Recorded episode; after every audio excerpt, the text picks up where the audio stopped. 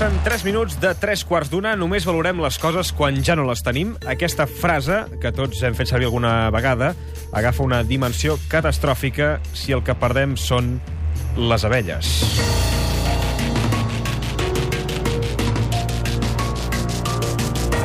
Segons la FAO, si desapareguessin les abelles, no podríem menjar un 90% dels aliments que prenem actualment. I és més, Albert Einstein ja va advertir que si les abelles desapareguessin de la superfície de la Terra, els homes només ens quedarien 4 anys de vida. Dit això, Jaume Clotet, apicultor, bon dia. Bon Benvingut, dia. com estàs? Bé, gràcies. No ens estimem prou, les abelles? Uh, això ja depèn de cadascú. Jo me les estimo bastant, però...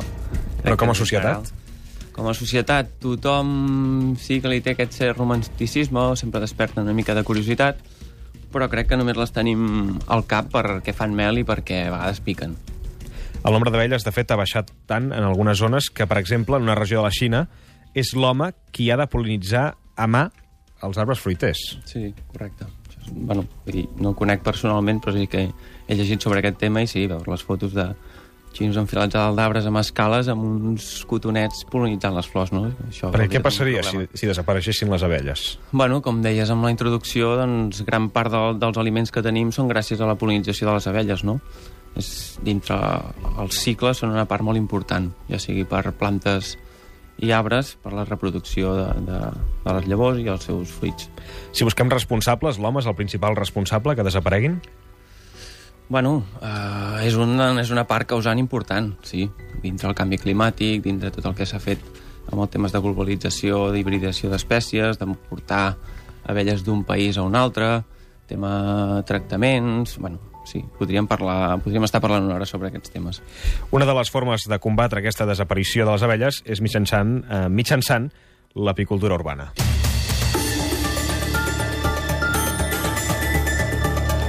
De fet, tu, Jaume, has creat l'empresa Melis i ets un dels màxims responsables de l'apicultura urbana en el nostre país. Que, què vindria a ser apicultura urbana? És tan fàcil com dir això, de que hi ha abelles a la ciutat? Sí, correcte.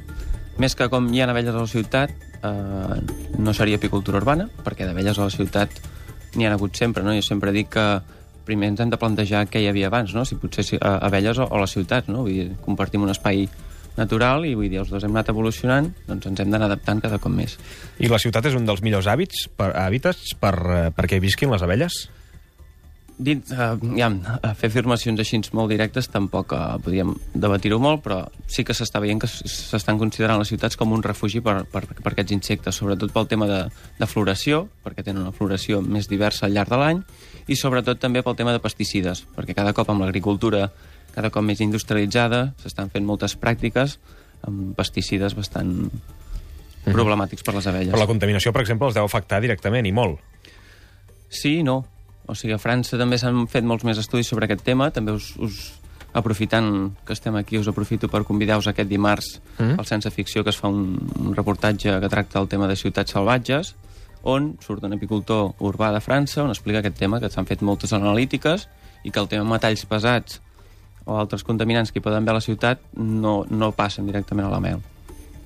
És un tema a, a, a tractar, però vull dir, no... I els principals avantatges o beneficis de la- l'apicultura urbana, quins serien? Nosaltres des de això, des del 2010 vam crear el portal apiculturaurbana.com per treure'ns aquesta idea al cap, només, no només pensar en les abelles amb el tema de la mel, no? sinó que creiem que pot intervenir molts àmbits, ja sigui des del medi ambiental, Mm?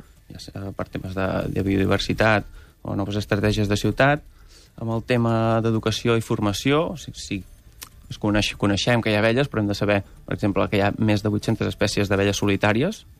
Quan parlem d'abelles de la mel, hauríem de parlar abelles de la mel, que són les que fan mel. També amb el tema científic-tecnològic, investigar a veure què està passant amb aquest, això que deies, no? Que, per què desapareixen les abelles? Tenim tota la culpa nostra, què podem fer-hi? Tema artístic i cultural, també s'estan fent diferents projectes. Amb la Fundació Millor estem treballant per fer un projecte amb intervencions artístiques a la ciutat. I també tema econòmic, doncs, moure un nou sector, no? O sigui, que és... la idea és aquesta, veure que les abelles no només actuen amb el tema de produir mel, sinó que la podem aplicar, ens poden aportar molts I beneficis. aleshores, si jo vull posar-me un rusc al balcó, per exemple, eh, tu me'l vens, eh, me l'instal·les, com funciona? Uh, no. Vull dir, aquí aquest tema és que No, m'estàs tocant molts temes que No, no. ens podem passar el matí parlant, eh? No, si és que és, vol. la- és d'això es tracta, eh? Què tens aquesta, Jo- aquest neguit? Em fascina, fer? em fascina aquest món, sí, sí. Sí. El tema normatiu és més complex i que en part ja està bé, no? O sigui, fins ara, eh, a nivell de l'estat espanyol, només existia una normativa a tot l'estat que jo crec que ja quan es va redactar en cap moment es havia pensat en ficar abelles a les ciutats, no? però que deia que qualsevol rusc, o sigui, qualsevol caixa d'abelles hauria d'estar a un mínim de 400 metres d'un nucli de població. Però sempre pensant en grans explotacions de 500, 1.000, 2.000 caixes d'abelles. Que estem parlant de ruscs més petits, no? Sí, exacte. Tema ciutat. En cap cas volem que la- l'apicultura urbana substitueixi el que és la- l'apicultura tradicional. Clar, però aleshores on ho posem? En jardins privats? En no. llocs... No. Uh, això, bueno, uh, és... no, Digues, digues. deixat acabar. Sí, sí. El tema és que la Generalitat va adaptar aquesta normativa espanyola a Catalunya conscient de, del tema de l'apicultura urbana. L'únic que va fer és traduir-la al català, però ficant un article que permet jugar, té més llibertat amb aquest tema de distàncies. Tu, si ara vols instal·lar un rus d'abelles a una ciutat, el que necessites és fer un informe demanant permís express, determinant en quin lloc, com ho faràs i per què has triat aquell lloc, i ells, la seva comissió de registre, els seus tècnics, et diran si els hi sembla correcte o no. A partir d'aquí també has de parlar amb l'Ajuntament i cada Ajuntament ha de donar-te el teu vistiplau, o sigui, necessites dos permisos. A partir d'aquí ja... Ja pots intentar aconseguir que hi hagi un rusc a prop. Sí. I actualment a Barcelona, per exemple, quants n'hi ha? A Barcelona, actualment, de piaris urbans eh, legalitzats o legals, legalitzats no n'hi ha cap perquè el que passa aquí a Barcelona és que amb aquest tema que dèiem de, de, de demanar el permís a la Generalitat, o sigui, treballem a l'Ajuntament de Barcelona, sí que havíem mirat alguns punts per instal·lar-ne, instal·lar-ne, perdó, Mm. però el propi Ajuntament, dintre una ordenança municipal, té un, orden, un punt que prohibeix les explotacions ramaderes. Per tot el tema quan hi havia hagut vaques, gallines, conills, aquí Barcelona, ens van prohibir les explotacions ramaderes. Què passa? I es considera que, de això és una explotació ramadera. Però veig Exacte. que va, va ser capital be-friendly, que, que era capital amiga de les abelles. Sí, bueno, és que amigues de les abelles es poden Barcelona. fer moltes activitats, moltes coses. No només hem de pensar sempre en abelles, en pensar en instal·lar un rusc amb abelles de la mel. O sigui, també s'han fet hotels d'insectes, s'han fet plantades, s'han fet activitats, divulgació...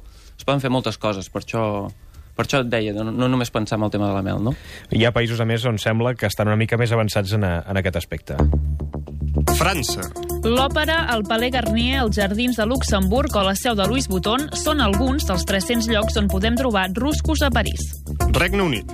Més de 20.000 apicultors fan de Londres una de les capitals mundials de l'apicultura urbana. El Palau de Buckingham, la Tate Gallery o Fornum Manson alberguen ruscos d'abelles.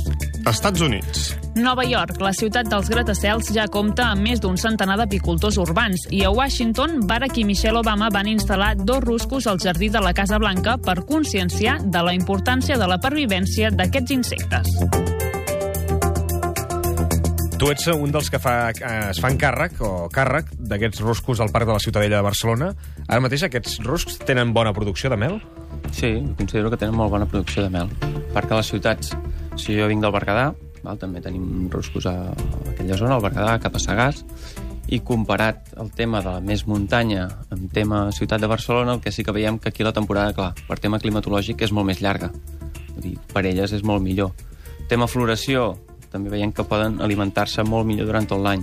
Allà potser tenim floracions molt grans, però flo- floracions més puntuals, en canvi aquí tenen com una, una alimentació més variada, no? Uh -huh.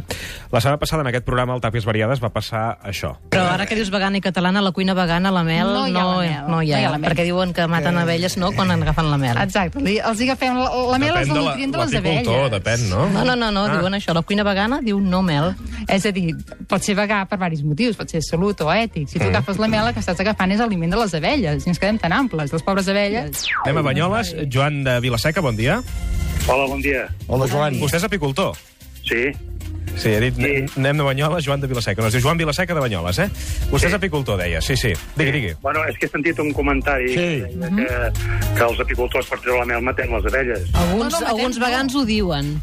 Sí, doncs això ho tenen mal entès, perquè precisament no- nosaltres tratem la mel amb molt de respecte cap a les abelles, que són les que ens donen el menjar. Sí, sí. Jo crec que el que ha dit Joan és que és alimentació de les abelles i que, per tant, el que fa és treure-li eh, la mel, en aquest cas, eh? Les abelles. quan però nosaltres maten. ens aprofitem d'una circumstància Mm. que és que les abelles entren... Amb això de les abelles, fins a quin punt plena. ens aprofitem d'elles, amb la mel? Sí, m'agrada aquest, aquest tema perquè tinc una, una amiga que també és vegana i ens hem discutit alguna vegada sobre aquest tema.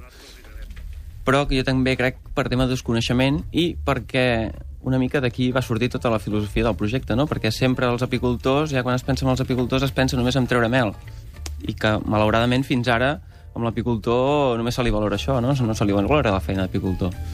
Però ens aprofitem de les abelles, però és com un, un negoci a mitges, no? És perquè si tu cuides de les abelles, elles cuidaran de tu. Què passa? Que si nosaltres només podem sobreviure amb el tema de la mel, què passa? Obliga molts apicultors a extreure el màxim de mel possible. Això que et porti, no els estic justificant, eh? però sí que porta altres males praxis d'alimentar amb, amb altres tipus de productes que no són mel. Aquí doncs, hauríem de diferenciar no, una mica quin apicultor com treballa i si explota molt o poc les abelles. Que és com passa amb tot. També passa als Exacte. camps, no? I passa eh, segons com els alimentis o com protegeixis Sí, no, de... no podem generalitzar. Clar. I a banda d'això, tenir clar que les abelles sí que són eh, bioindicadors, no? que ens diuen molt com està, el, la, en aquest cas, l'ecosistema, i per tant, això sí que ens ve a dir si anem bé o anem malament. Correcte. En aquest cas, amb l'Ajuntament de Viladecans, que és on hem pogut, això que comentàvem abans, no? el tema sí. de permisos, a Viladecans, per tema ordenança, no tenien aquest problema amb les explotacions ramaderes perquè determinava les espècies, i vam instal·lar el primer apiari urbà legalitzat a Catalunya. I aquí, junt a aquest apiari urbà, ben bé al centre de Viladecans, més dos més que tenim instal·lats, una zona de muntanya i una zona més pròxima al port, que hi ha zona d'horta, el que estem fent aquest any és agafar analítiques de pol·len, bueno, mostres de pol·len, Sí. I fer analítiques per tenir un baròmetre de la contaminació. I així sabeu com està l'ecosistema. Sí, podem determinar quina part està més contaminada o menys. Jaume Clotet, gerent de l'empresa de serveis eh, apícoles Melis i promotor d'apicultura urbana, gràcies per vingut avui al suplement. Moltes gràcies a He vosaltres. pres nota i m'han quedat molts dubtes, eh? però ja, ja el repassem un altre dia. Ja provareu la mel, també. Gràcies.